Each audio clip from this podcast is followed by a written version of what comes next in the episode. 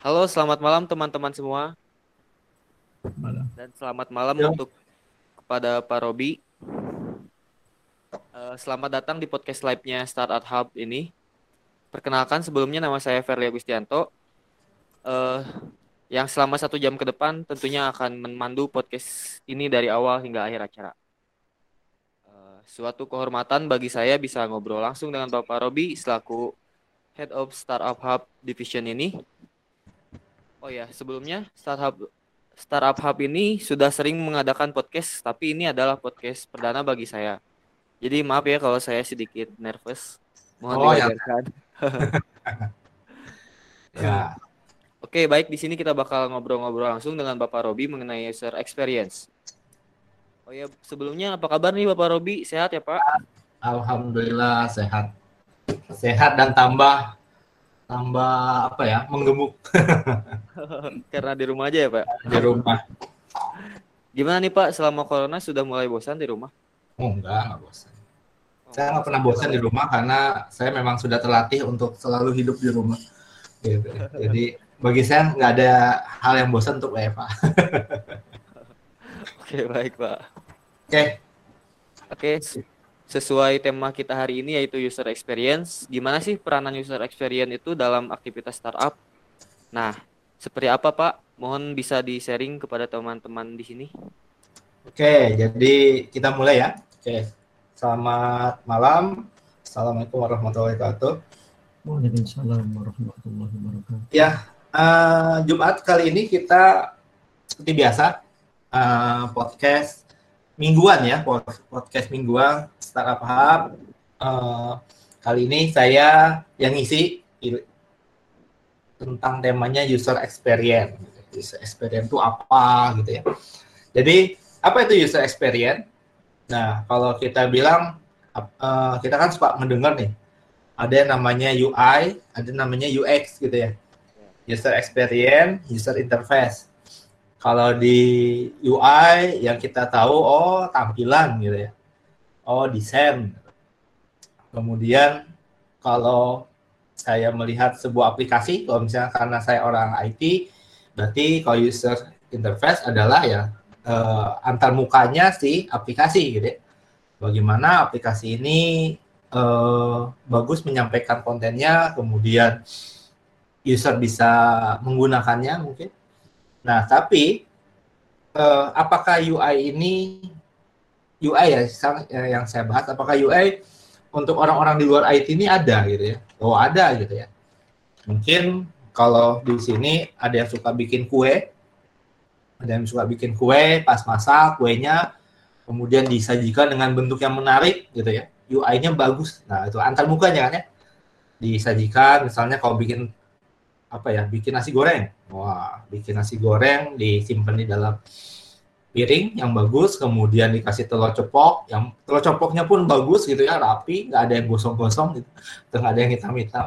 Nah ternyata eh, dikasih potongan timun gitu ya sekitarnya dan kasih ya dikit-dikit emping atau kerupuk.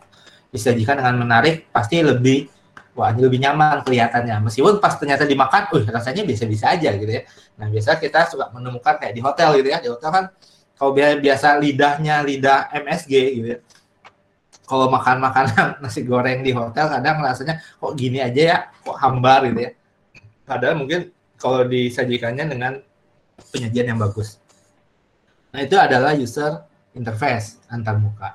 Nah, sekarang kita bahas tentang user experience. Apa sih hubungannya user experience dengan user interface? Gitu ya. Nah, eh, bisa dikatakan UI adalah bagian dari user experience mungkin salah satu output dari user experience adalah user interface. Tapi ya nggak bisa kita langsung mengatakan bahwa UI itu adalah UX itu ya UI gitu ya, bukan. Gitu. Ya kalau UX itu apa? Ya kita lihat dari namanya saja user experience, pengalaman pengguna. Pengguna itu siapa? Ya tergantung. Kita mau lihat dari sudut pandang eh, siapa kalau misalnya seorang pedagang nasi goreng, ya, penggunanya siapa sih? Nah, gitu ya, penggunanya siapa? Tergantung juga kita lihat, kita mau melihat dari sisi mana. Kalau kita mau lihat dari produknya si tukang nasi goreng, maka penggunanya adalah ya konsumennya ya. yang order nasi goreng. Mang, uh, order dong nasi goreng eh, nggak pakai apa ya, nggak pakai sayur. Oh, nah itu user experience. Kan? Mang, order dong nasi goreng cabenya dikit. Um, cabenya dikit, telurnya tolong dicampur, kemudian kerupuknya banyakin ya mas. Nah, itu uh, user experience-nya dari konsumennya ya seperti itu. Nah, tapi kalau misalnya tukang nasi goreng dilihat dari uh, dagangannya, mungkin user experience-nya ya dianya sendiri, gitu. si emangnya gitu ya, si tukang dagangnya. Oh biasanya kalau tukang dagang nasi goreng, kalau misalnya di ada apa kalau masak, order yang ordernya satu orang langsung dimasak atau nunggu dua orang yang order atau nunggu tiga orang atau nunggu empat orang baru dia order sekalian masaknya sekaligus kemudian baru dibagi-bagi empat piring, dua piring, tiga piring. Nah, berarti apa? User experience-nya adalah si pedagangnya, gitu ya. Nah, jadi tergantung sudut pandang yang mau kita gali si user experience. Nah, sekarang di tema uh, podcast kita adalah user experience, peranan user experience dalam aktivitas startup. Nah, dari nama di sini ada dua hal yang penting. Pertama adalah peranannya. Apa sih user experience? Peranannya kayak gimana? Apakah ini berkaitan erat dengan kegiatan orang-orang IT atau orang-orang desain gitu ya di dalam sebuah startup? Apakah startup saya misalnya cuma jualan kopi? Apakah startup saya cuma jualan uh, nasi mungkin atau uh, jualan makanan intinya. Apakah saya juga ada user experience-nya gitu ya. Nah, kemudian apa sih pengaruhnya user experience dalam aktivitas startup? Nah, ini yang kita akan coba bahas secara sederhana di uh, podcast kali ini.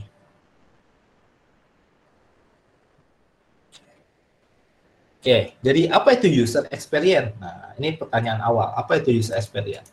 Kalau di kebetulan saya ngajar di saya ngajar di D3 Sistem Informasi ya di FIT.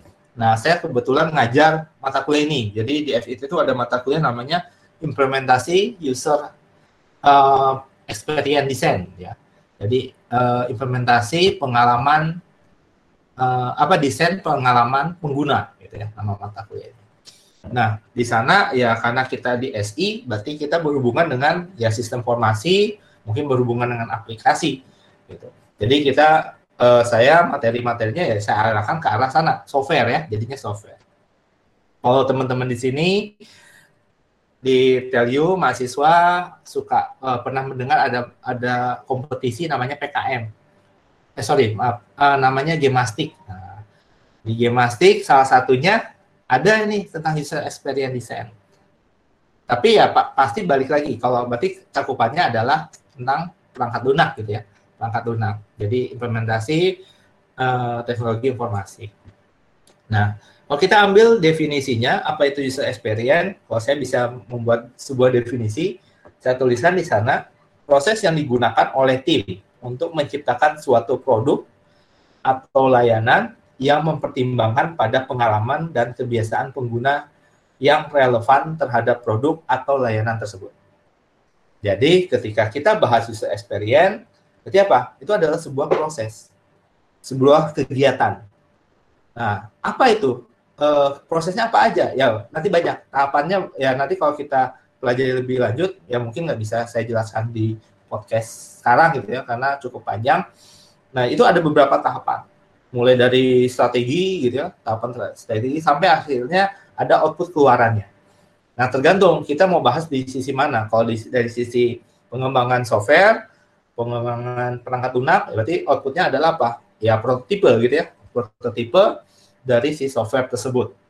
Artinya uh, model dari perangkat lunak yang saya bisa klik, klik, klik, klik, klik, klik, saya coba kalau klik menu ini keluarnya seperti apa. Kira-kira orang ngerti nggak gitu ya? Kira-kira uh, si user paham nggak? Nah, mungkin seperti itu ceritanya. Nah, biasanya teman-teman di startup digital uh, yang main di sini banyak kebanyakan di startup hub itu banyak-banyak uh, banyakan teman-teman yang bermain di startup digital. Meskipun nggak pure ngejual software, nggak nggak seperti itu ya, tapi kita memiliki beberapa layanan yang didukung dengan uh, aplikasi, gitu ya, untuk untuk proses bisnisnya. Nah, biasanya teman-teman di awal membuat yang namanya prototipe, gitu ya. Jadi kalau nanti pitching di depan investor, nah yang kita jual itu eh, contoh demonya adalah prototipe biasanya. Ya, karena masih ide, ide diterjemahkan secara cepat eh, menjadi suatu rancangan, gitu ya, rancangan model. Modelnya kita buatkan sedemikian rupa seolah-olah kelihatan ini kayak aplikasi yang udah jadi, padahal sebenarnya masih high fidelity prototipe, gitu ya, masih prototipe.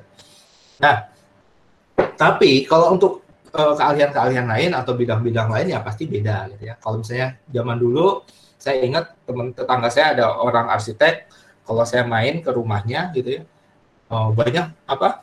eh, banyak market gitu ya. Ada market rumah-rumahan gitu ya. Kalau saya buka kelihatan ada kas, ada tempat tidurnya, ada dapurnya dan sebagainya. Nah, itu model eh, prototipe gitu ya. Model prototipe.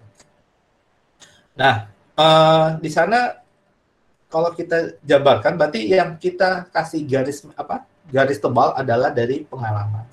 Kedua adalah kebiasaan. Kebiasaan apa? Berarti yang berhubungan. Apa yang mau kita gali? Gitu. Kalau kita ambil lagi kalau saya mau bikin nasi goreng uh, saya mau bikin nasi goreng di rumah gitu ya. Artinya apa? Apa yang harus kita pahami? Ketika kita mau membuat nasi goreng di rumah. Pertama saya harus tahu dulu orang-orang di rumah saya itu sukanya makanannya yang kayak gimana? Berminyak kah? Oh, minyaknya sedang kah? Atau suka pedes kah? Oh, nggak suka pedes. Suka kecap? Oh, tidak suka kecap. Dan lain-lain. Nah, berarti yang berhubungan dengan nasi goreng kan yang akan kita gali. Maka ketika saya tahu, oh di rumah saya ternyata ada anak kecil dua yang nggak suka pedas karena nggak kuat pedas, ada dua orang dewasa termasuk saya yang mungkin suka pedas. Artinya ketika saya bikin nasi goreng, berarti saya bagi itu dua porsi ya, dua apa? Dua bagian. Yang satu ada bagian yang tidak pedas, yang satu yang pedas. Yang satu yang campurannya tidak terlalu banyak MSG dan kawan-kawan, yang satu karena sudah terbiasa MSG ya MSG-nya lebih banyak mungkin. Kita ramu selesai dan semuanya menikmati. Nah, kita mempertimbangkan pengalaman. Kemudian kalau di sini misalnya nih bertamu nih, teman-teman di sini datang ke rumah pacarnya mungkin ya. Kemudian bawa oleh-oleh atau bawa apa makanan ya untuk orang tuanya gitu. Ya si cowoknya ngapel ke apa ke ceweknya gitu bawa makanan. Nah, yang pertama harus diketahui apa? Yang pertama harus kita ketahui adalah kebiasaan kan. Kita nanya dulu kan, bapak kamu suka apa sih gitu ya? Ibunya suka apa sih? Nah, gitu ya berarti pas datang ya bawa makanan yang orang tuanya suka lah gitu ya. Kalau makanan yang nggak suka ini apaan? Wah gitu ya. Udah malam-malam datang makanan yang kayak gini gitu. Mungkin seperti itu. Nah artinya tujuannya buat apa? Pertama adalah supaya uh, pengguna atau user atau orang yang berhubungan dengan layanan kita gitu ya atau berhubungan dengan kita atau berhubungan dengan produk kita akan nyaman. Itu satu. Dua ya pasti akan menikmati produk kita, menikmati layanan kita. Ya, kalau udah nyaman, pasti akan mencoba ya menikmati. Kalau udah suka, pasti kan akan mencoba untuk kenal kan gitu ya. Prinsipnya seperti itu. Nah, tapi kalau dia dari awal kita udah dibuat tidak suka, tidak tidak senang gitu ya. Di awal sudah ada penolakan, pasti produk kita dan layanan kita pasti tidak akan disukai. Pasti dicoba aja nggak akan mungkin ya. Mungkin nggak akan dicoba, nggak belum pernah kita tidak ada rasa tertarik untuk mencoba, tiba-tiba langsung ditinggalkan. Nah, uh, itu eh ini ada pesan katanya mau masuk belum di allow nih. Mungkin bisa dicek untuk admin. Ada yang mau masuk ke podcast.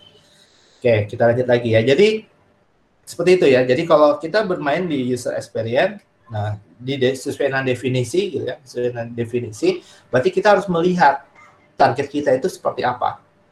Kemudian apa yang mau kita gali dari target itu. Gitu. Apa yang mau kita gali dari si user itu. Nah, saya ambil salah satu uh, contoh. Saya ambil satu contoh. Kalau misalnya saya mau mengembangkan suatu perangkat lunak gitu ya, atau uh, startup digital lah. Yang kemarin saya ambil contoh dari teman-teman cateringan dan goni-goni. Jadi teman-teman waktu cateringan dan goni-goni pertama kali mempunyai ide, ikut lomba gitu ya kemudian dapat juara kemudian dapat target ini harus jadi ya bulan anu gitu ya, kata jurinya nanti kita ketemu lagi kita cari siapa tahu bisa ada investor nah, apa yang mereka datang, uh, mereka katakan ketika datang ke saya, teman-teman ini bilang, Pak, bisa nggak kita bikin ini, gitu ya? Oh bisa, gitu ya. Pasti jawaban saya selalu bisa. Membuat aplikasi itu kan pasti selagi uh, spek awalnya jelas, pasti bisa. Kalau speknya awalnya nggak uh, jelas, mau aplikasi semudah apa pun pasti susah. Gitu ya. Jadi yang penting spek awal jelas, aplikasi itu akan mudah. Tapi yang jadi pertanyaan adalah ketika kita membangun sebuah startup, nah, kita membangun startup, kita membangun sebuah produk atau layanan, berarti apa? Kita mempertimbangkan siapa sih yang akan menggunakan. Kenapa? Karena percuma saja kita bikin aplikasi canggih-canggih, kita bikin layanan canggih-canggih, gitu ya. Kemudian tidak ada yang menggunakan. Untuk apa? Gitu. Nah, apa yang saya suruh kepada teman-teman goni-goni dan cateringan waktu dulu yang pertama yang saya suruh adalah coba tentukan user Anda. Tentukan konsumennya. Siapa sih konsumennya dari setiap startup ini? Oh, kalau goni-goni siapa misalnya? Oh, mungkin warga yang rumah tangga gitu ya. Atau pengurus RT, pengurus RW mungkin yang pengen membangun yang namanya bank sampah. Oh, mungkin uh, komunitas yang lagi suka uh, dengan gerakannya tentang pengolahan sampah, dan sebagainya. Oh, kalau cateringan apa kira-kira? Oh, mungkin konsumennya mahasiswa yang punya uang pas-pasan tapi pengen, masih pengen bisa makan. Oh, mungkin konsumennya ya warung yang ngasih apa? Yang ngasih makanan atau warung yang menyediakan makanan untuk dijual kepada mahasiswa. Atau tempat-tempat lain atau organisasi lain yang ternyata membutuhkan event catering. Nah, ini yang saya minta oh, kepada teman-teman di Goni-Goni dan cateringan, silakan didefinisikan. User kalian itu siapa? Yang nanti akan berinteraksi sama kalian itu siapa? Gak mesti nanti orang itu pasti uh, benar-benar memiliki hak akses. Tapi uh, definisikan orang-orang yang nanti akan berkaitan dengan sistem atau produk atau layanan kalian. Nah, dari sana mereka kemudian mendefinisikan, buatlah beberapa pertanyaan, saya bilang lagi, yang namanya pengalaman pengguna artinya tidak cukup sebenarnya dengan yang namanya kuesioner. Kenapa? Karena dengan kuesioner saja orang membaca pasti masih ada missnya, ya kan? Pasti masih ada yang uh, ternyata pertanyaan ini jawabnya ke mana gitu ya? Atau mungkin asal jawabannya. Nah, saya bilang kalian nggak bisa cuman nyebarin kuesioner. Uh, sekian bulan, coba turun ke lapangan, tanya satu persatu wawancara kalau satu kali nggak nggak ngerti, ubah pertanyaannya, kasih ilustrasinya, tanyain lagi, gitu ya. Nah, itu yang dilakukan oleh teman-teman. Dilakukan berilah mereka, kemudian akhirnya mereka mendapatkan beberapa feedback.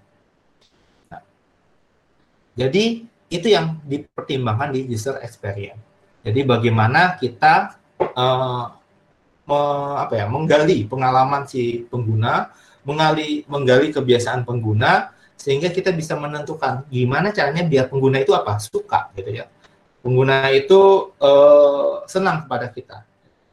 Kan gitu ya. Kita mencoba merebut hati nih kan. Kita mencoba merebut hati. Ketika kita membuat suatu produk atau layanan ya tujuan pertamanya bagaimana caranya untuk merebut hati gitu ya jadi jangan saja uh, jangan kalian merebut hati mertua saja gitu calon mertua pacar gitu ya tapi kita coba merebut hati ya calon konsumen atau calon pengguna uh, produk yang kita bangun.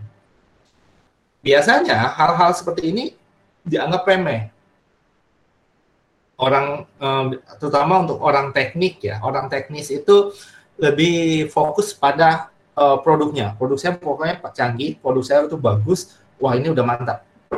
Tapi ada faktor yang dilupakan. Faktor yang dilupakan adalah ini manfaat nggak sih untuk si user? Apakah jangan-jangan malah tambah user pakai uh, produk ini atau layanan ini malah tambah pusing dia malah nggak terbantu meskipun produknya benar-benar canggih gitu ya ah nggak butuh lah seperti ini kata user ngapain repot-repot nah kan gitu ya takutnya seperti itu dan akibatnya kadang gitu ya kalau riset-riset mungkin ya dari orang-orang teknis yang benar-benar fokus di teknis gitu ya di teknis di produknya gitu dan ternyata mungkin mereka tidak mempertimbangkan user experience akhirnya apa akhirnya yang nggak ada yang mau pakai nggak ada yang mau pakai nah contohnya lagi user experience yang suka kita temukan seperti apa sih? Ya kalau di sini ada pengguna Windows atau ada pengguna Apple, gitu ya, ada pengguna Mac OS.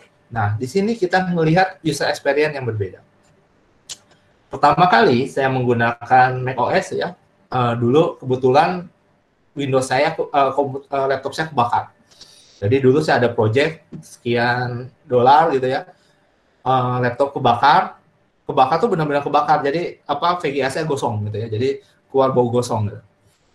kemudian komputer nggak bisa nyala lagi cuma uh, layarnya ngeblik gitu ya sedangkan deadline besok waduh saya pusing kan? Saya pusing dan sebagainya. Saya mikir kalau saya mes, uh, mesti beli komputer yang sama maksudnya yang operating system yang sama saya harus install-install dan sebagainya wah nanggung juga ya. Nanti siapa tahu uh, apa prosesnya mungkin lebih lebih lama gitu ya. Ya udahlah ganti Mac. Akhirnya nyari Mac beli gitu ya karena ngejar deadline.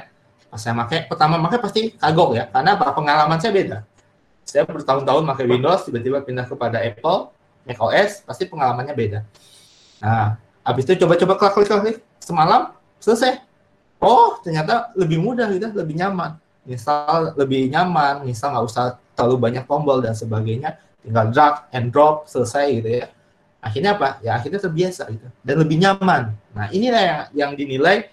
Kenapa sih? Mungkin ya teman-teman di sini pernah ada pikiran kenapa sih ini Apple kok ngeluarin produk harganya mahal-mahal gitu ya padahal kalau kita lihat dari spek hardware-nya kok kalau dibandingin dengan yang non Apple kok kayaknya lebih gedean yang non Apple sih gitu ya yang ada hal yang dilupakan adalah user experience user experience dari mana dari, dari ya kemudahan dari mengoperasional Nah, ada dua sih sebenarnya kalau di gadget ya. Pertama ada secara hardware, secara fisik gitu ya, tombolnya dan sebagainya lah. Kemudahannya yang kedua adalah secara software, ya, berarti di operating system.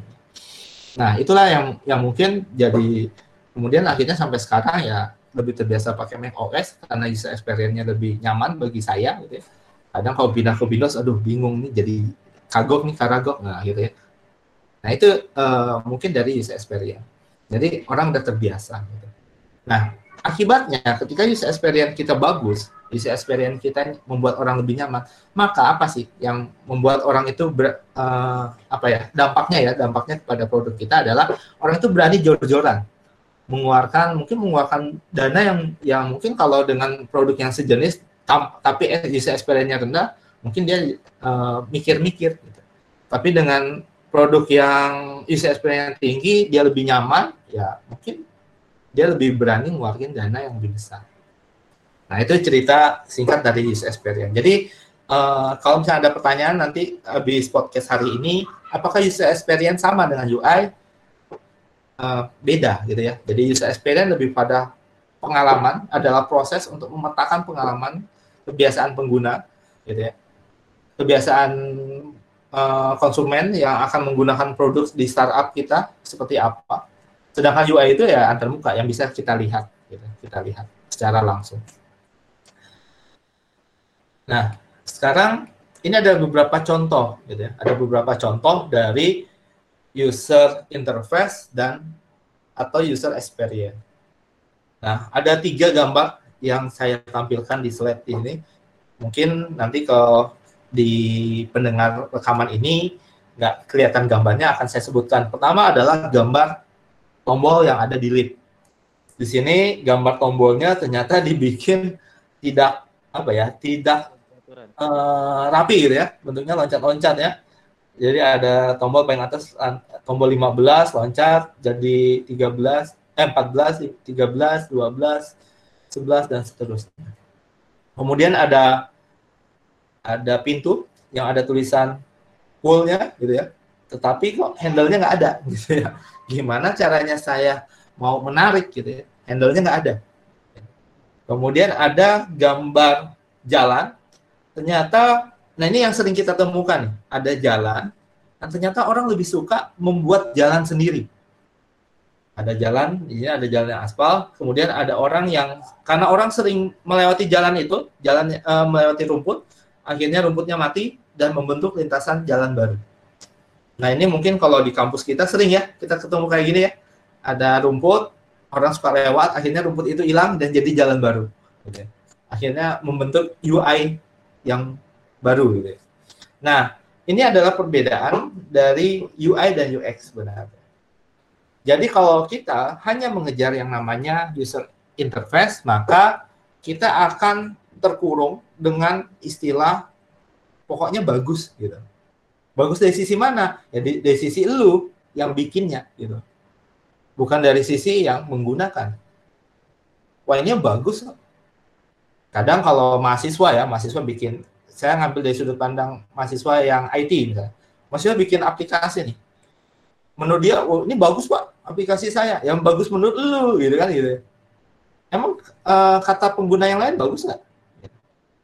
Mungkin ada di sini teman-teman yang bikin desain, menurut saya ini bagus, yakin bagus, coba dilihat. Gitu. Nah, kadang ketika kita mau menyebutkan ini adalah bagus atau tidak, pertama yang harus kita apa ya kita coba berpikir lagi adalah apakah orang lain melihat hal ini sama bagusnya dengan apa yang kita lihat. Gitu. Jadi sama nggak sih pendapat orang lain lihat, oh ini bagus kok, kan pasti beda. Gitu. Karena apa? Kata bagus, kata jelek, kata baik, kata buruk itu kan uh, tidak ada patokannya. Susah kita mendefinisikan. Makanya kalau kayak di tugas akhir ada yang bilang mempermudah gitu ya memudahkan gitu ya Memud uh, apa mem membantu dan sebagainya kalimat-kalimat ini sebenarnya susah untuk diukur. Kenapa? Karena kita harus melakukan pengujian banyak user sehingga kita bisa narik suatu kesimpulan bahwa ini adalah membantu. Oh ini memudahkan. Oh ini uh, bagus gitu ya. Kalau cuma yang uji cuma satu dua tiga orang ya belum tentu jawabannya di semua user seperti itu. Nah sama ketika kita membuat user interface, UI gitu ya, user, interface yang tadi macam-macam saya bilang ya, kalau perhotelan mungkin kalau teman-teman yang suka masak, berarti user interface-nya apa sih? Penyajian makanan. Kalau teman-teman yang bangun rumah gitu ya, arsitek dan kawan-kawan, berarti user interface-nya ya tampilannya, gedungnya bagus, rumahnya bagus. Kalau misalnya teman-teman yang suka bikin software, berarti UI-nya apa? UI-nya ya antar mukanya sih software-nya gitu kan. Kalau teman-teman di sini ada orang-orang keuangan yang suka bikin laporan keuangan, UE-nya apa ya? Laporan keuangannya. Mudah nggak orang itu membaca gitu laporan keuangan kita. Nah, itu adalah UI, user interface, antar muka. Jadi yang berhubungan dengan orang yang nanti akan menggunakan dan apa yang mau di yang mau kalian sampaikan kepada orang itu. Nah, itu adalah user interface. Nah, sedangkan eh, patokannya proses untuk menggali bahwa user interface-nya ini cocok nggak sama orang sama siapa uh, pengguna itu itu adalah di user experience-nya. Nah, ini ada beberapa contoh kan. Ketika kita bikin jalan, harusnya apa sih yang kita pertimbangkan? Apa kira-kira yang? Uh, Ferdi, Ferdi? Jaraknya, Pak. Apa, Pak? Jarak. Uh, jarak tempuhnya. Ah, jarak tempuh. Kadang kalau orang mikir, lihat ya, saya mau jalan, kemudian tujuan uh, kita ini ada di di jalan di depan mata ini nih. Kenapa saya harus mesti muter gitu? Padahal saya bisa melintas uh, apa? Melintasin langsung gitu. Ya. Nah, itu mungkin yang pasti muncul di semua orang. Gitu. Tapi kalau kita tetap ngotot, ya coba aja kita ngotot. Bikin aja jalan suruh muter, habis itu pasti apa? Orang pasti akan banyak yang ninjek rumput. Kecuali ada penegasan aturan. Itu beda lagi ya. Jadi ada yang sebenarnya membatasi pengalaman dan kebiasaan user adalah aturan. Ketika aturan itu muncul, maka mau nggak mau, nah ada istilah gitu ya, ada istilah mau nggak mau, user akan mengikuti aturan itu. Misalnya nih, kalian nanti kerja di suatu perusahaan, kemudian karyawan wajib menggunakan eh, sistem informasi perusahaan tersebut untuk kerjaannya lah. Artinya apa? Ada aturan mau nggak mau kalian harus pakai ini. Mau softwarenya dalam tanda kutip ya, maaf ya, misalnya saya bilang busuk gitu ya, dari sisi user interface-nya, mau software itu, aduh, membingungkan, mau nggak mau, balik lagi, mau nggak mau, kalian pasti akan menggunakan. Karena ada yang namanya regulasi atau aturan. Nah, tapi ketika kita ada suap, ada sebuah pilihan loh ada tanda kutip kalau di sebuah layanan itu tidak monopoli lagi gitu ya ada ada dua pilihan atau lebih dari dua pilihan maka pasti kita akan memilih hal yang sekiranya menurut kita lebih nyaman. Gitu. Ketika ada ada lebih dari satu pilihan gitu ya, dan tidak ada aturan yang membatasi kebebasan itu, maka kita pasti akan memilih yang menurut kita pasti lebih nyaman. Pasti nggak? Pasti. Nah itu yang eh, yang harus dipertimbangkan oleh teman-teman semua di sini ketika mau membangun sebuah produk, ketika mau membangun sebuah layanan. Kadang ini benar-benar sepele. Ini hal ini kadang memang sepele. Ah, cuman gitu kan biasa suka mendengar kayak gitu ya. Desain, yang namanya desain itu menurut orang eh, adalah suatu hal yang mungkin remeh. Ah, bikin buletan aja kok susah mahal. Ah, kan gitu ya. Ada istilah seperti itu. Ah, kok bikin gini aja. Padahal untuk menem, uh, menentukan bahwa ini harus seperti ini, seperti ini, seperti ini, eh, kalau memang benar-benar sesuai dengan rule-nya, itu prosesnya cukup panjang. Prosesnya cukup panjang. Nggak bisa kita main asal-asalan gitu. Bisa. Kalau kita lihat, uh, kalian suka pakai aplikasi di HP kan pasti sering ada update ya. Update aplikasi, tiba-tiba berubahlah UI-nya. Posisinya berubah. Terakhir Gojek berubah kan? Update Gojek terakhir saya baca di grup user experience. Uh, kebetulan ada bosnya di sana, bos desainnya. Dia posting kemudian ternyata banyak yang banyak yang komplain juga banyak yang kritik. Karena katanya ini kok kelihatan kayak uh, gini gitu ya. Jadi ada komplain-komplain ya tapi nggak masalah gitu. Bagi uh, kami yang suka bermain di user experience hal komplain itu malah yang kita kejar gitu.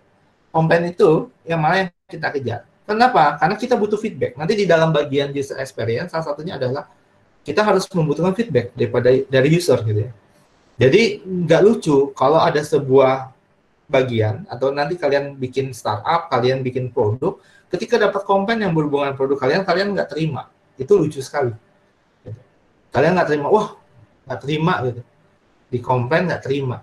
Mau sepedes apa pun komplainnya, kalau memang itu benar gitu ya, memang memang itu masukan dari user gitu ya, karena dia yang menggunakan, itu harus diterima.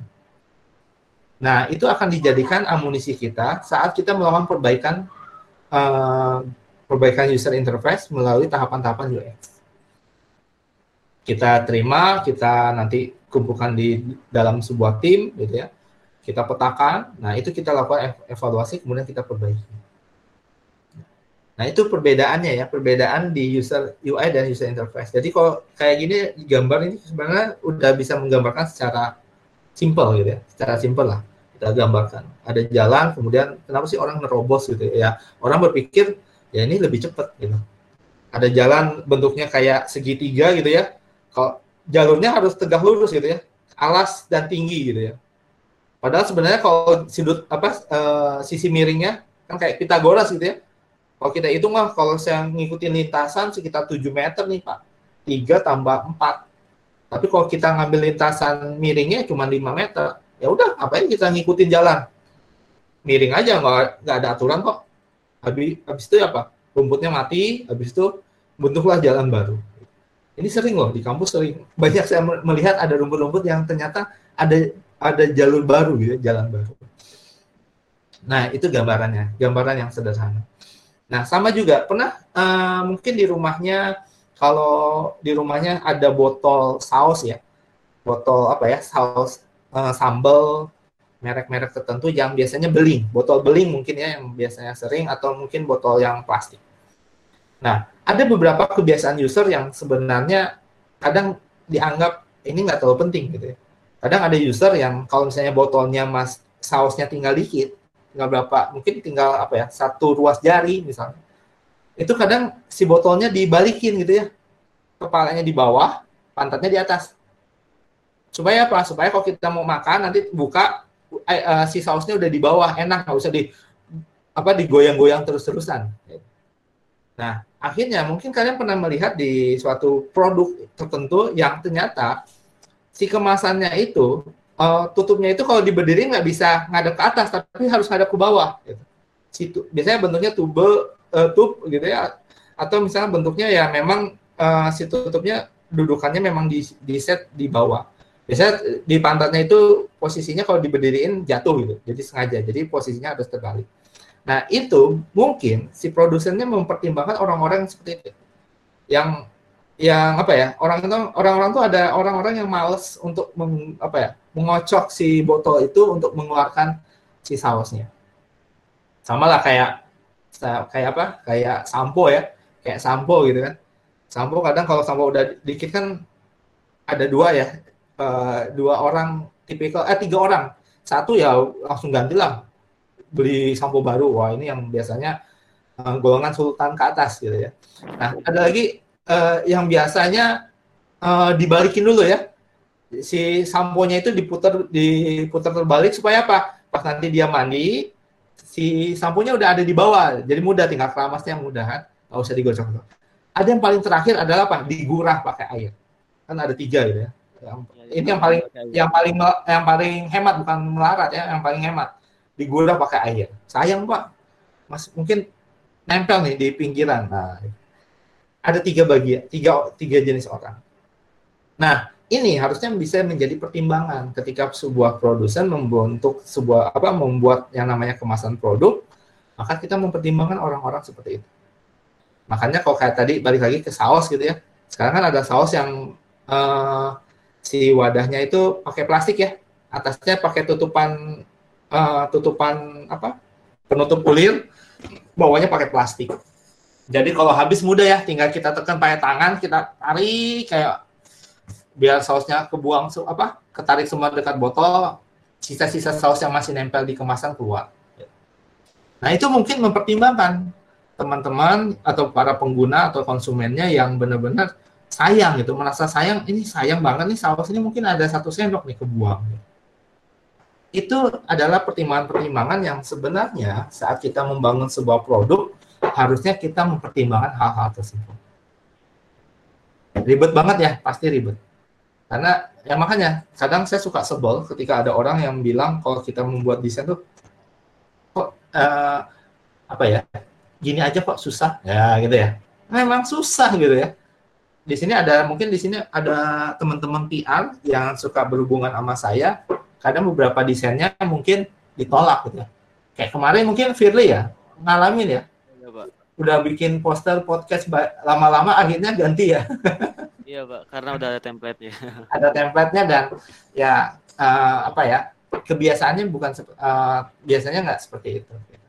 Nah itu uh, yang namanya desain itu sulitnya seperti itu. Jadi um, apa ya mengeluarkan kata oke okay, gitu ya si klien mengeluarkan kata oke okay, ini bagus. Ah, itu susah gitu. Nggak bisa kita definisikan patokannya gimana gitu. Sama ketika kita bikin produk ketika kita mau ngambil hati si klien, bagaimana si klien bisa bilang, wah ini bagus sih produk. Nah, gimana patokannya? Nah, ini yang harus kita cari di user experience. Nah, kita balik ke topik utama. Sekarang apa sih peranan user experience yang secara detail di tahapan pengembangan startup? Nah, di sini saya ambil uh, startup produk roadmap dari Atomic Object ya, bisa cari di internet Pertama, tahapannya adalah mendefinisikan problem, mendefinisikan masalah. Gitu ya. Kemudian memvalidasi masalah, tahap berikutnya memvalidasi market, pasar, kemudian membangun prototipe, sekaligus di testing, kemudian kalau sudah ya mencoba pendanaan lah, atau misalnya nyari uh, hibah kecil-kecilan, kalau di kampus mungkin nyari kayak kompetisi KBMI, KIBM, kayak gitu ya ketika dapat hibah bisa mengembangkan produk lebih bagus kemudian kita uh, membangun MVP solution yang sekiranya dari sana kita bisa uh, apa men-scale up gitu ya layanan dari startup kita. Nah, pertanyaannya adalah kapan user experience ini pertama kali digunakan saat kita membangun startup? Nah, pertama kali kita gunakan adalah saat nomor satu, pertama kali ya. Tapi apakah habis itu selesai? Enggak. Dan terus-terusan si user experience ini pasti akan selalu dilakukan. Misalnya pas pertama defend the problem. Saya mau di sini mungkin saya ambil salah satu kasus ya dari startup di startup hub dari salah satu tim. Misalnya teman-teman dari Smashpedia. Nah, ini ada Farah, ada siapa lagi? Irfan ya. Farah, Irfan, Nah, di teman-teman di Smashpedia membuat layanan one all solution gitu ya.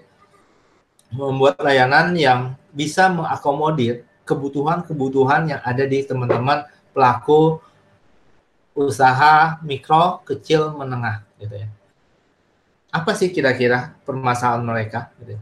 Bisa nggak misalnya eh, teman-teman Smashpedia itu tinggal tebak-tebakan, habis itu bikin layanan, habis itu langsung datang nih ke UMKM. Pak, pakai aplikasi kami ya, gitu. Pasti apa sih pertanyaan yang pertama dikeluarkan oleh teman-teman UMKM?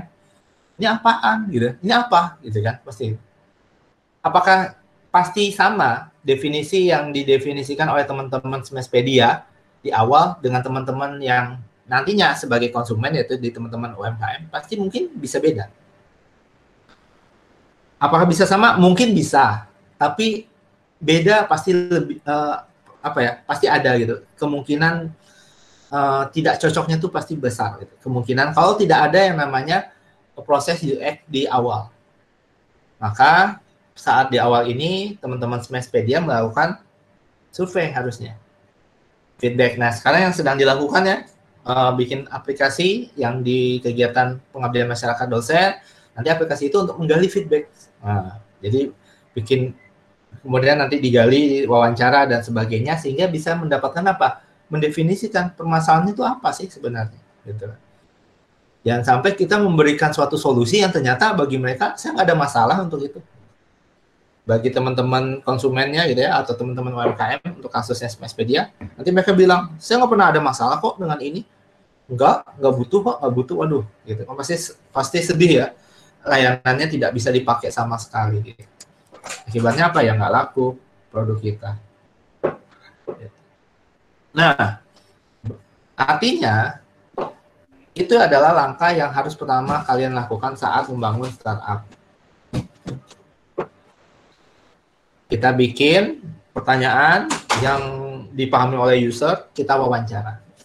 Saya biasanya nggak suka atau apa ya kurang setuju gitu, lebih tepatnya kurang setuju kalau menggali pertanyaan pertama itu dengan cara kuesioner.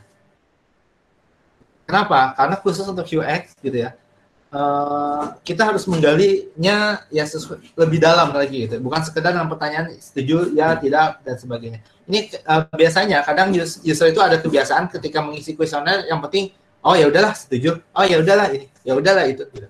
Nah itu sulit untuk menggambarkan pengalaman atau kebiasaan dari si user. Maka biasanya saya ngasih instruksi langsung turun, langsung ngobrol dengan si usernya, wawancara. Nanti kalian definisikan, oh maksud jawabannya tuh ini gitu. Nah itu yang kalian tangkap. Nanti abis selesai dapat jawabannya, kita validasi lagi ke si user uh, dari hasil yang kita tangkap. Nah sesudah kita bisa mendefinisikan dengan tahapan pertama, Nah, ini pun tidak cukup. Belum tentu aplikasi kita bisa diterima oleh banyak orang. Kenapa? Ya pasti kan kita ada batasan. Yang namanya user experience ini adalah suatu kegiatan yang cukup mahal biasanya. Kenapa? Karena kita harus mensurvey, harus kita melakukan wawancara tuh lebih dari ya mungkin lebih dari 10 orang, lebih dari 50 orang gitu. Dan mungkin jangkauannya juga nggak nggak semuanya ngumpul pada satu tempat. Harusnya seperti itu kan. Kalau kita punya layanan yang mau dipakai di Indonesia, artinya apa? Kita harus nanya oleh ke semua orang di seluruh Indonesia. Populasinya ya. Kemudian kita harus nanya untuk semua kategori uh, kategori pengelompokan dari user. Misalnya orang yang suka belanja, orang yang jarang belanja, orang yang belanja karena ada diskon, orang belanja yang ikut-ikutan saja gitu ya. Nah, itu kelompok-kelompok itu kita coba gali, kita coba wawancara dan mungkin wawancaranya bisa lebih dari satu tempat. Artinya apa? UX ini adalah hal yang cukup mahal. Nah, sedangkan mahal ini adalah berbanding terbalik dengan yang namanya startup. Kenapa? Startup itu nggak punya uang kan? Teman-teman startup di sini ada yang udah punya uang banyak, maksudnya yang ya ratusan juta, miliaran, ya nggak mungkin lah. Dan nggak mungkin juga ketika kalian punya uang ratusan juta dan miliaran, kalian berani mengeluarkan benar-benar untuk startup yang masih nol. Karena kalian takut gagal. Pasti ada perasaan seperti itu.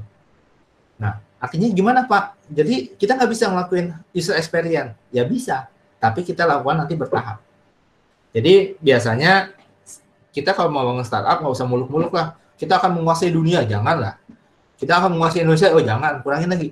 kita pro, satu provinsi oh janganlah kurangin lagi ya coba aja sebandung nah kan gitu ya ah coba aja se Kabupaten Bandung kalau masih nggak ternyata masih kita apa kita ukur wah ini masih mahal nih. Kecilin lagi. Ya udahlah setel you ya udahlah sekampus. Gitu. makanya teman-teman cateringan dan goni-goni fokusnya awalnya adalah cuma ya cuma setel you setel you dulu aja lah. Kenapa harus se, se Bandung kenapa harus se Jawa Barat? Kalian punya modal apa? Untuk menggali user experience. Nggak punya kan? Nah, karena nggak punya kita kecilkan ruang lingkupnya uh, sorry kita kecilkan populasi apa uh, areanya gitu ya kita kecilkan kecilkan kecilkan akhirnya satu regional gitu regional kecil satu Telju satu Bojong Soang mungkin satu Dayakolot atau mungkin lebih besar lagi satu Kabupaten Bandung mungkin, satu kota Bandung nah dari sana kita coba gali kemudian kita coba sampling Habis itu kita definisikan. Nah, dari sana kita melakukan apa? Validasi problem. Akhirnya sudah kita definisikan, kita bangun sebuah solusi. Solusinya seperti apa, layanannya seperti apa. Nah, dari sana kemudian kita lakukan validasi. Validasi. Nah, di user experience uh, ketika kita sudah membuat yang namanya prototipe, pertama kan uh, kalau dari sisi software ya, ada lima tahapan. Kalau saya ngambil dari bukunya Jesse James Garrett, ada lima tahapan. Pertama adalah strategi. Kedua adalah scope. Scope itu batasan gitu ya. Batasannya cakupannya mau seperti apa. Kemudian strukturnya, struktur, uh, strukturnya itu baik dari sisi informasi, arsitektur informasi, ataupun dari uh, konten gitu. Ya. Nah, habis dari struktur kita masuk ke skeleton. Skeleton itu membangun wireframe-nya, mock-up lah, sketch-nya gitu ya oh ini kayak gini, ini kayak gini, kayak gini, kayak gini. Terakhir adalah prototipe, high fidelity di surface gitu ya. Nah, lima tahapan ini kalau di pembangunan perangkat lunak gitu ya, di biasanya kalau si James Garrett ini lebih pada website, tapi kita pakai untuk pengembangan aplikasi mobile pun masih bisa gitu ya tahapannya. Nah, ketika udah sampai pada tahapan prototipe, maka itu satu siklus UX selesai. Tapi yang namanya siklus kan terus berputar ya. Nah, ketika prototipenya udah jadi, maka kita coba lakukan validasi problem. Kita datanglah ke mana? Apa? Ke market gitu ya. Ke apa? Ke user kita validasi benar nggak? Nanti di tahapan ini pas kita definisikan namanya ada user persona di strategi yang user persona. Nah, ini kita melakukan validasi problem.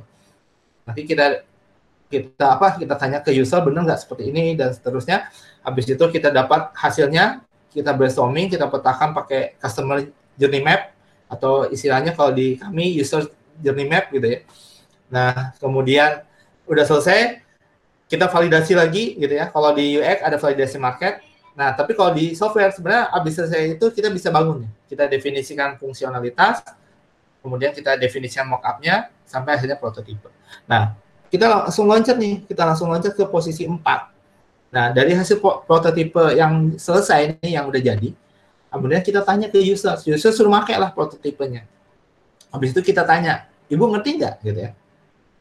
Nah, ketika ada dari 10 user ternyata jawabannya mungkin dari 60% mengatakan saya bingung, maka harus dilakukan perubahan.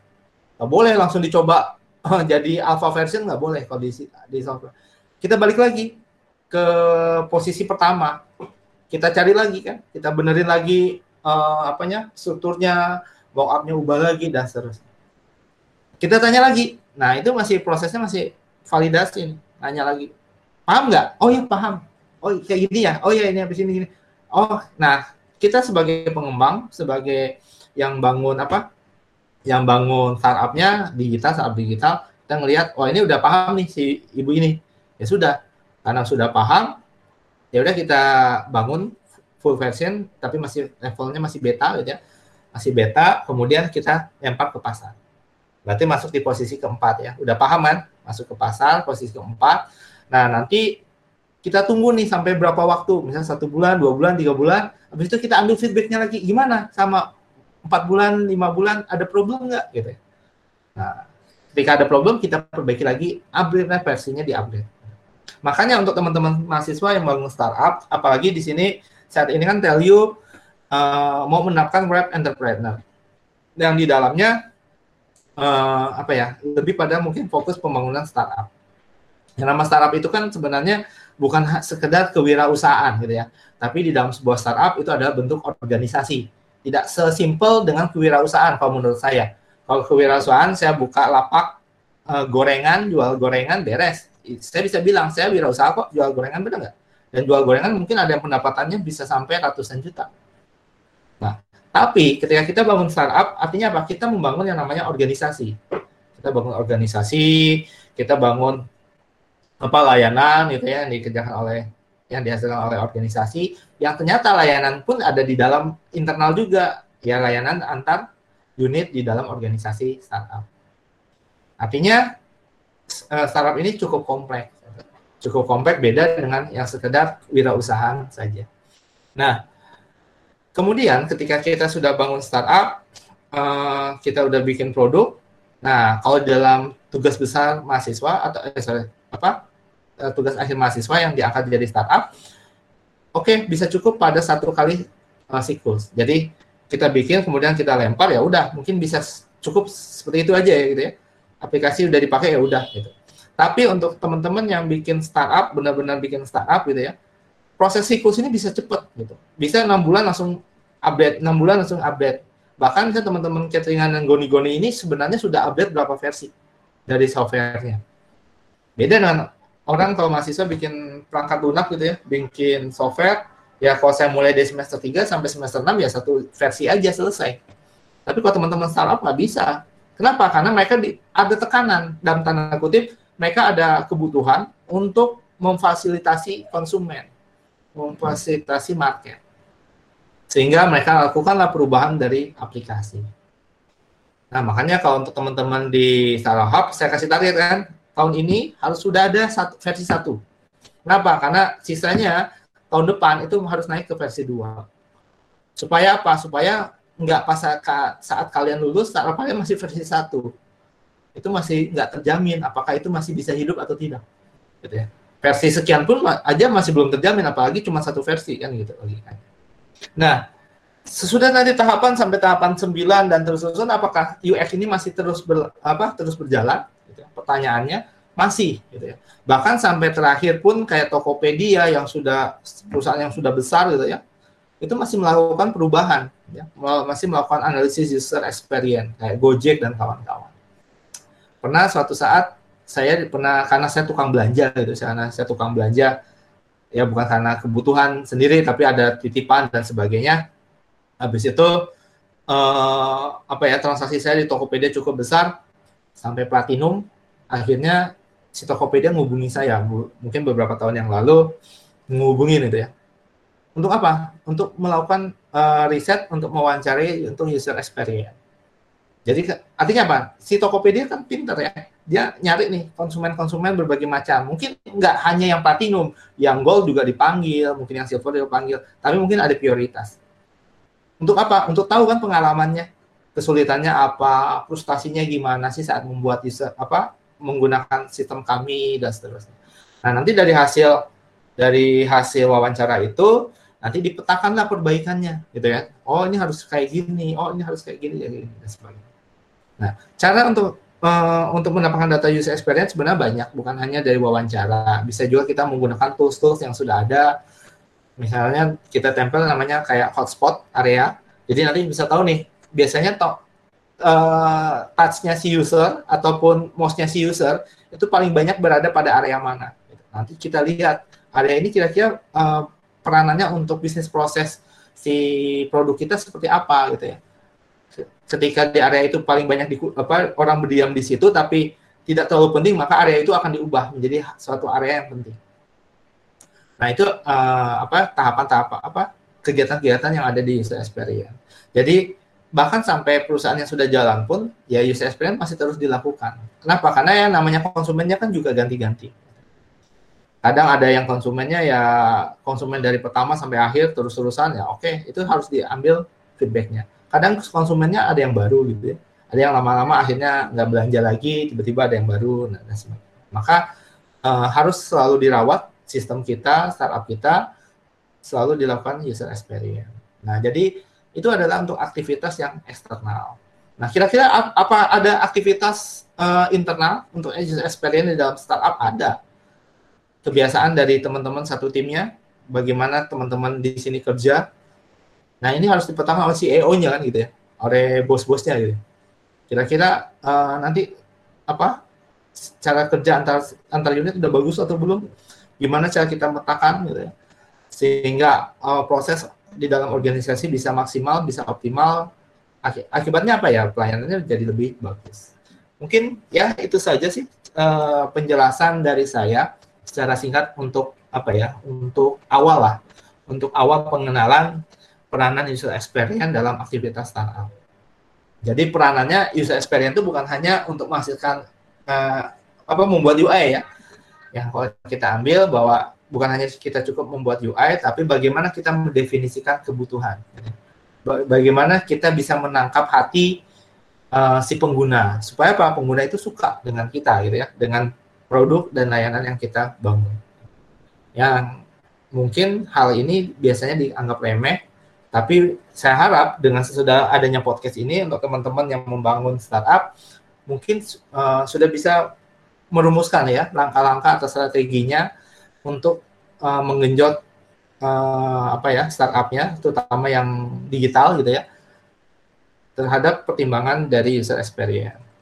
Nah, tapi ada satu lagi untuk teman-teman di sini ada yang bukan digital kayak kopi koala. Nah, itu ya. Kopi koala ini kan jualan kopi nih. Kira-kira user experience-nya gimana sih? Mungkin nanti ada pertanyaan seperti itu. Nah, artinya apa? Ya, berarti kita melihat dari kebiasaan dari pelanggan gitu ya. Biasanya kalau kalau beli kopi itu kayak gimana gitu ya. Kalau beli kopi sukanya kayak gimana penyajiannya. Kemudian pilihannya kayak gimana? Apakah gulanya full, gulanya kurang dan sebagainya. Itu mungkin bisa salah satu bagian dari user experience. Oke, mungkin itu saja. Firly, bisa dibuka sesi pertanyaan. Uh, udah selesai penjelasan dari Pak Robi. Uh, selanjutnya ada sesi pertanyaan. Apakah ada yang mau bertanya? Gak ada. Oke, silakan yang mau bertanya. Yang ya, mungkin yang bertanya. Ya, ada pertanyaan ada dari bertanya, Pak. Yo, silakan. Gimana? Uh, dari Tamara Laki. Pertanyaannya, Pak, saya mau bertanya, apa yang membuat user experience bisa menjalankan perannya dengan baik? Bagaimana user experience dapat apa? Menjalankan perannya dengan baik. Oke, jadi pertanyaannya bagaimana uh, apa yang membuat user experience bisa menjalankan perannya dengan baik? Nah, pertanyaannya sebenarnya uh, sama kayak saya bilang bagaimana cara membuat nasi goreng supaya nasi goreng itu enak gitu ya. Jadi bagaimana cara supaya user experience bisa menjalankan peranan yang baik. Pertama adalah tim. Itu kuncinya. Kenapa? Karena user experience dilakukan oleh tim. Ketika tim kita di dalam sebuah startup tidak berjalan dengan baik, ketika tim kita bekerja sendiri-sendiri, ketika tim kita hanya berpikir pada dirinya sendiri, tidak memikirkan temannya, maka jangan diharapkan tujuan dari startup kita yang dibangun jangan diharapkan akan berjalan dengan baik. Artinya apa? User experience kan fungsinya adalah untuk mengumpulkan kan, mengumpulkan knowledge dari pengguna supaya apa? Startupnya berjalan dengan baik. Kalau misalnya timnya yang mengumpulkan saja tidak baik, bagaimana UX ini akan baik? Itu satu. Yang kedua adalah tim yang melakukan UX harus memahami apa yang dia butuhkan. Apa yang startup itu butuhkan Artinya apa? CEO yang mempunyai ide kan, yang mempunyai ide startup itu kan CEO ya. CEO-nya ya harus pandai untuk menurunkan knowledge-nya, menurunkan apa ya misi visinya gitu ya untuk startup ini kepada teman-temannya di satu tim. Saya maunya startup kita bisa bla bla bla bla bla. Harus tanya. Dan, dan tim ini harus kalau bingung masih nggak paham harus nanya gitu. Jangan diem aja gitu. Harus nanya Nah, ketika satu visi, udah satu tim itu visinya sama, uh, apa ya, udah uh, fokusnya udah sama, maka kita bisa mulai menggali kepada user. Jangan satu tim ini misalnya ada ada satu startup misalnya ada tiga tim, tiga orang ya, tiga orang sorry. Masing-masing beda-beda pemahaman terhadap startupnya, masing-masing beda-beda pemahaman terhadap produknya. Ya pasti apa yang nanti digali di tiap masing-masing itu pasti beda, gitu. Kenapa? Meskipun kita gali, uh, kita mau menggali apa menggali sesuatu pada orang kan kita punya punya punya goals ya, kita punya tujuan gitu. Maka tujuan itu harus sama dulu. Kita mau ngapain nih? Menggalinya tuh mau mau ngambil ke arah mana nih? Nah, itu yang kita coba kejar. Mungkin itu ya. Jadi apa yang membuat user experience bisa menjalankan peranan baik? Pertama adalah timnya. Kedua, ya tadi tim harus memahami apa kebutuhan dari organisasinya, kebutuhan dari startupnya itu seperti apa yang akan dia gali. Ya ketiga ya berarti apa prosesnya benar gitu. Terakhirnya ya itu prosesnya benar. Dan jangan uh, jangan malas untuk dikritik. Jangan baper ketika dapat feedback dari user yang ternyata pedes gitu ya. Itu sebenarnya rezeki kalian sebagai user experience itu ya, engineer ketika dapat kritik yang pedas, ketika dapat uh, kritikan yang tajam gitu ya, itu adalah suatu apa ya, suatu amunisi bagi kalian untuk memperbaiki layanan sebenarnya. Jadi salah kalau misalnya kita dapat kritik dari layanan atau produk yang kita kerjakan, habis itu kita baper, gitu ya. Ya udah, mendingan nggak usah bikin layanan kalau baper. Wong yang pakai aplikasi kan atau layanan kalian kan user, bukan kamu, gitu ya. Nah itu, jadi tahapannya harus benar dan siap untuk menerima masukan kritik se se apa ya sesadis apa pun itu ya harus siap menerima. Oke, uh, berikutnya ada. Uh, terima kasih buat Tamara pertanyaannya. Selanjutnya ada pertanyaan kedua dari Irfan. Mau nanya Pak, dalam user experience designer biasanya menggunakan beberapa metode. Salah satunya salah satunya adalah metode research. Pertanyaan saya, Pak, metode research yang sering atau biasa dipakai apa saja, Pak, terutama untuk startup? tahapannya apa dan apakah UI atau UX designer juga memberikan rekomendasi kepada tim marketing untuk pembuatan advertisement suatu produk. Yeah. Jadi um, pertanyaannya pertama adalah metode ya metode salah satunya kata Irfan metode riset ya jadi ya. Jadi metode riset apa yang sering atau biasanya dipakai terutama untuk startup. Nah, uh, metode risetnya tergantung startup kita apa gitu ya startupnya apakah digital pertama atau non digital. Kalau misalnya di sini banyak startup digital, ya kita banyak ya ada ya user centered design gitu ya apa UCD ya untuk metodologinya dan berbagai macam metodologi kita bisa di searching di Google atau cari bukunya juga banyak.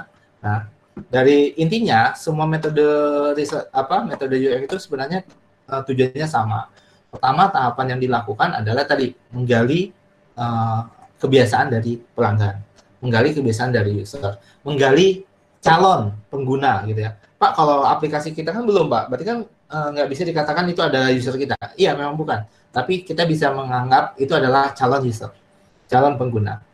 Nah, artinya dari sana kita bisa memetakan nih kira-kira user segmentasi namanya ya. Kita petakan kita segmentasi usernya apa saja nih kan gitu ya kalau kemarin saya ada teman-teman yang uh, mau bikin toko online misalnya ya toko uh, toko online kadang ada orang yang belanja mungkin karena kebutuhan.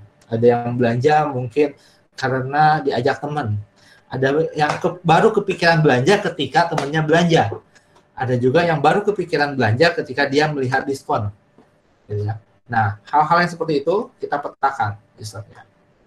Nah itu aja sih.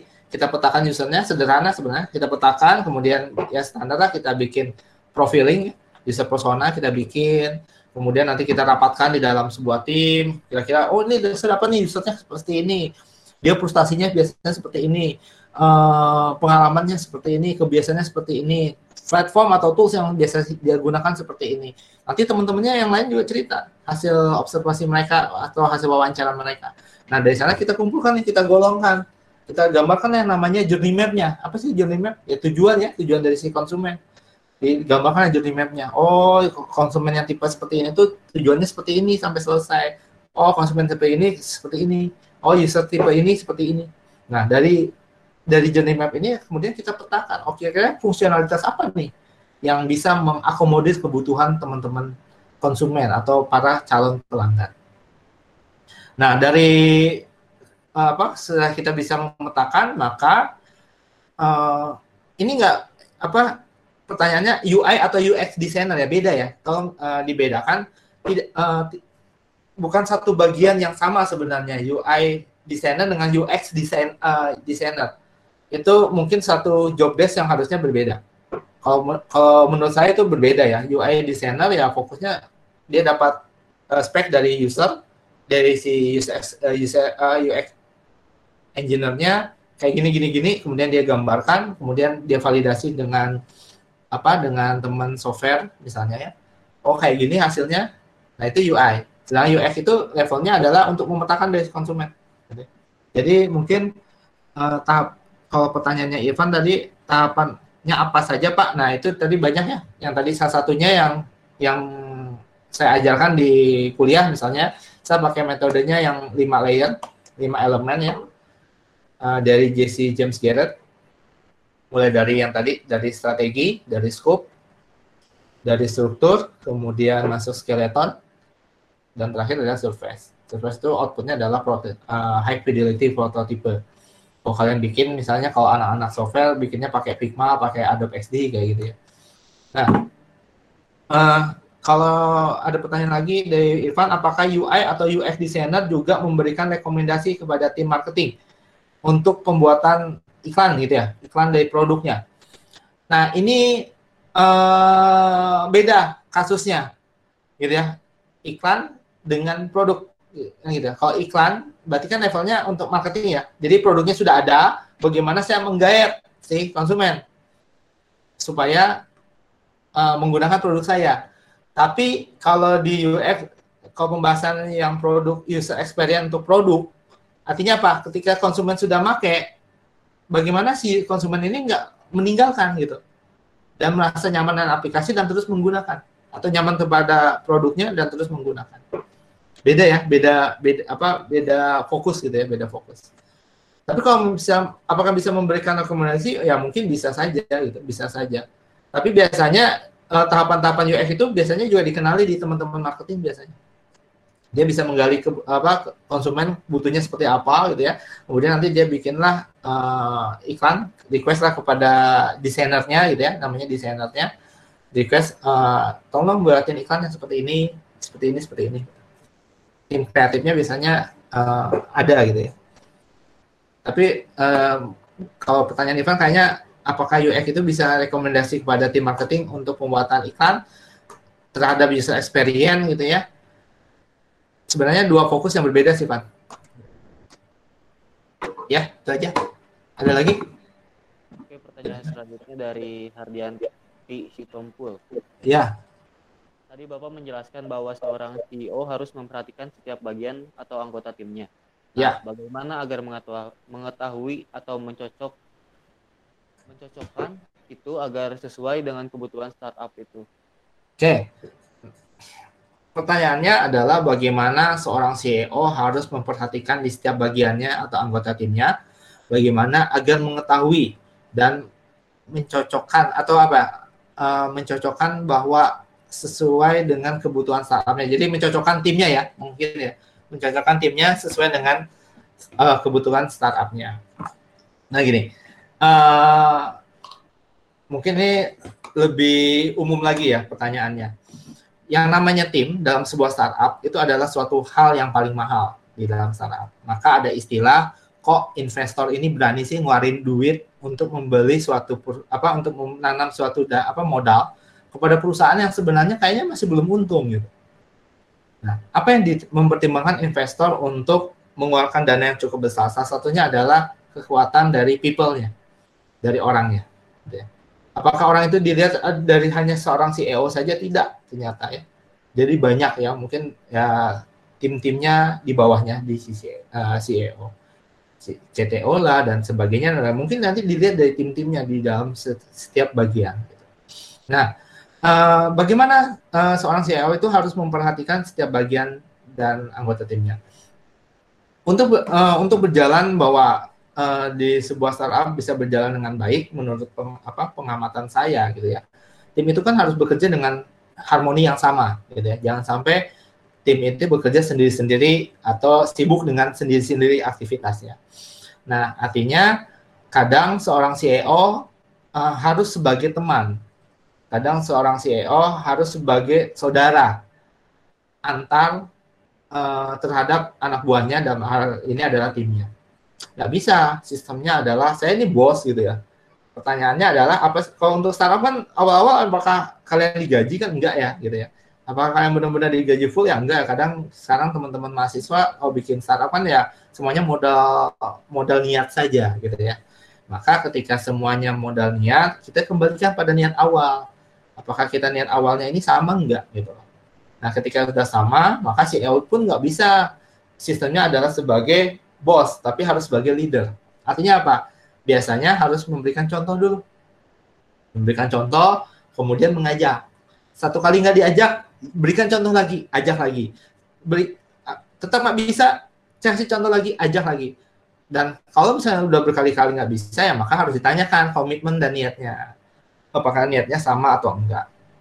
Nah, bagaimana cara mengetahui itu, mencocokkan kebutuhannya? Karena kalau kita ngambil dari sisi, apa sisi experience untuk organisasi di startup untuk aktivitasnya, maka kita harus tahu masing-masing uh, apa ya, masing-masing perilaku dari tim kita di startup. Oh, si misalnya saya uh, bilang di satu kasus gitu ya. Oh, misalnya nih karena Dian ini dari Goni-Goni, maka saya bilang Firza gitu ya. Maka Firza ini akan bilang, akan mendefinisikan, oh Dian Hardianti ini atau kita biasa nyebutnya Dian, Dian ini kayak gimana gitu ya. Uh, apa aktivitasnya kayak gimana sih? Ada problem nggak gitu ya? Atau ada suatu hal nggak yang memang sebenarnya uh, itu menjadi kebiasaannya dia? Oh nanti definisikan lagi. Oh habil, habilnya kayak gimana? Ada problem nggak di habil secara pribadi gitu ya? Atau ada problem di apa? Di eksternal gitu ya? Kemudian definisi lagi lulu dan kawan-kawan dan sebagainya. Jadi CEO Firza ini harus tahu nih kondisi masing-masing timnya. Kemudian udah tahu kondisinya, udah tahu permasalahannya, udah tahu kebiasaannya, maka diajaklah ngobrol satu persatu. Kami uh, startup ini punya tujuan ini. Uh, kalau saya lihat, kayaknya ada masalah seperti ini, misalnya, kayaknya kamu ini gaya bekerjanya seperti ini dan seterusnya. Nah, maka di, dicapailah suatu deal, gitu ya, deal-dealan dari teman-teman apa timnya, gitu ya kok uh, enaknya gimana nih cara kerjanya biar kamu nyaman, kita nyaman dan target sama. Kalau memang visinya sama. Gitu. Nah, udah dapat, udah deal-dealan, udah sekiranya cocok. Nah, kemudian didefinisikan kebutuhan startup ya. Goni-goni butuhnya apa aja nih dari tim? Oh gini-gini nih, sudah tercover nggak sama tim yang sudah ada? Kalau misalnya belum tercover ya harusnya cari anggota lagi tambah. Tapi kalau memang sudah bisa di cover ya harusnya memaksimalkan dulu anggota yang sudah ada seperti itu. Nah, nanti ngaruhnya di user experience-nya adalah cara bekerjanya nanti di dalam tim. Gitu. Jadi cara bekerjanya ya nggak bisa kalau kita uh, terlalu menguatkan ego cara bekerjanya dengan cara bekerja CEO-nya nggak bisa seperti itu. Kita harus melihat tim, maka cara bekerjanya adalah suatu cara bekerja yang disepakati oleh semua tim, semua anggota. Maka ketika semua anggota sudah sudah sepakat, harusnya apa? ya harusnya semuanya melakukan sesuai dengan kesepakatan gitu ya nggak bisa semuanya kalau udah sepakat ada aja yang nggak ada aja nggak ngelakuin nah berarti itu memang uh, tabiatnya memang nggak mau bekerja nah gitu. Jadi ketika kita sudah tahu si udah tahu ritmenya udah sama udah harmoninya sama ya mudah-mudahan startupnya udah bisa mulai berjalan. Mungkin itu ya jawaban dari pertanyaannya dia pertanyaan selanjutnya dari Heriana Naufal. Ya ada. Pada saat kita telah melakukan riset UX ke lapangan, lalu membuat UI dan aplikasinya, apakah pada saat kita melaunching aplikasi versi 1 itu perlu dibutuhkan dokumentasi aplikasi? Oke. Nah, uh, dokumentasi aplikasi ini wajib ya, karena uh, dokumentasi aplikasi adalah satu hal yang paling males oleh seorang developer ya. Uh, kita seorang pengembang software biasanya paling males untuk membuat dokumentasi. Makanya biasanya dokumentasi ini dilakukan oleh satu orang yang terpisah dengan kita gitu dengan programmer atau dengan sistem analis biasanya. Karena apa? Karena kebiasaannya ya kita itu malas. Uh, programmer itu malas lah, udah capek coding, langsung bikin dokumentasi dan lain-lain itu malas. Apalagi melakukan testing dan sebagainya, nanti ditulis poin-poinnya dan seterusnya. Itu ya. Nah, kalau pertanyaan Aldi, apa uh, kita melakukan research UX ke lapangan, lalu membuat UI dan aplikasinya, aplikasinya udah jadi gitu ya apakah saat kita mau launching aplikasi versi 1, mungkin versi beta gitu ya, versi beta di launching, apakah itu perlu dibutuhkan dokumentasi aplikasi? Nah, dokumentasi apa dulu? Kalau dokumentasi uh, software softwarenya ya tergantung juga apakah nanti kita mau mengembangkan uh, tim, mau nambah programmer, mau nambah sistem analis, mau nambah U, apa UI engineer, apa UI designer dan sebagainya. Kalau kita mau mengembangkan tim dari dari pengembang, maka kita harus punya dokumentasi aplikasi untuk decisive apa pengembangan aplikasi. Nah, tapi pertanyaannya apa? Kalau misalnya yang dibutuhkan itu yang dimaksud Aldi ini Heriana Nova ini maksudnya adalah user manual atau bagaimana cara user menggunakan aplikasi. Nah, itu mungkin wajib. Tapi tergantung juga aplikasinya itu mudah atau tidak.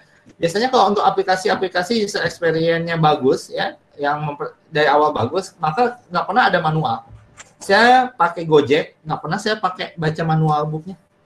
Saya pakai Facebook, nggak pernah saya baca manual booknya. Saya pakai Instagram, nggak pernah baca manual booknya. Kenapa? Karena biasanya manusia punya intuisi ya, punya punya apa? Bisa nebak-nebak gitu ya.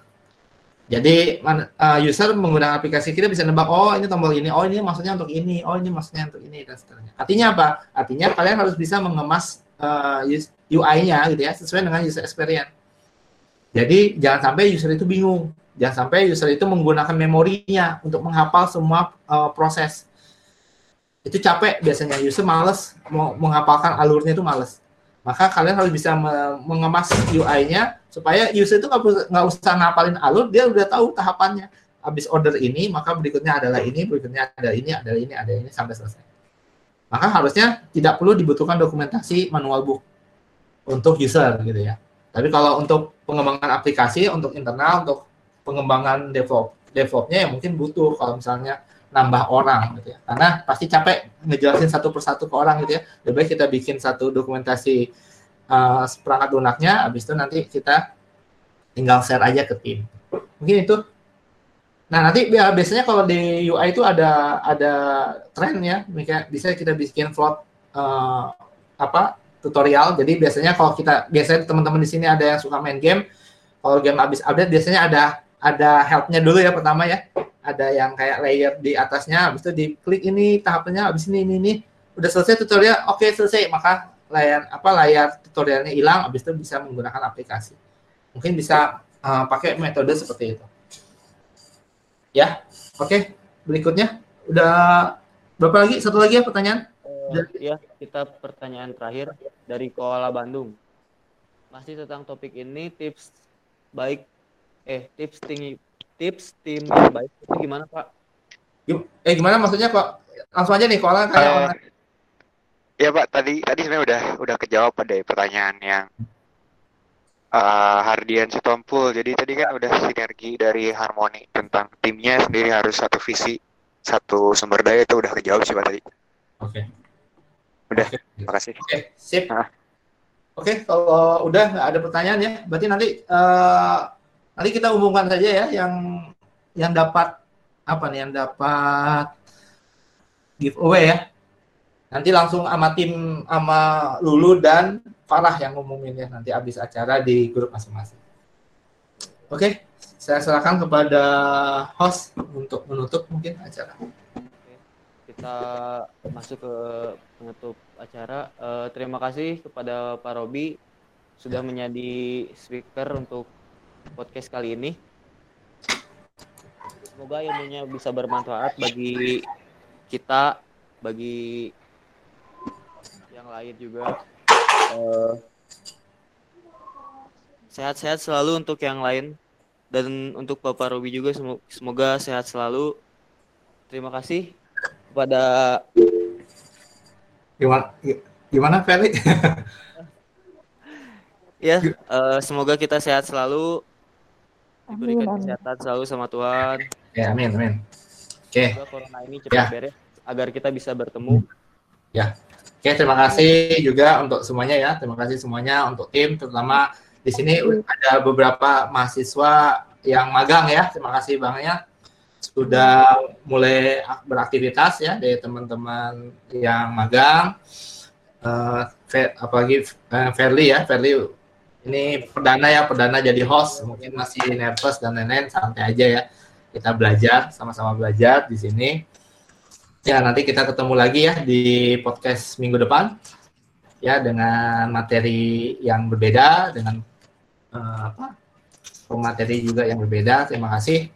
Kita tutup semuanya. Uh, selamat malam.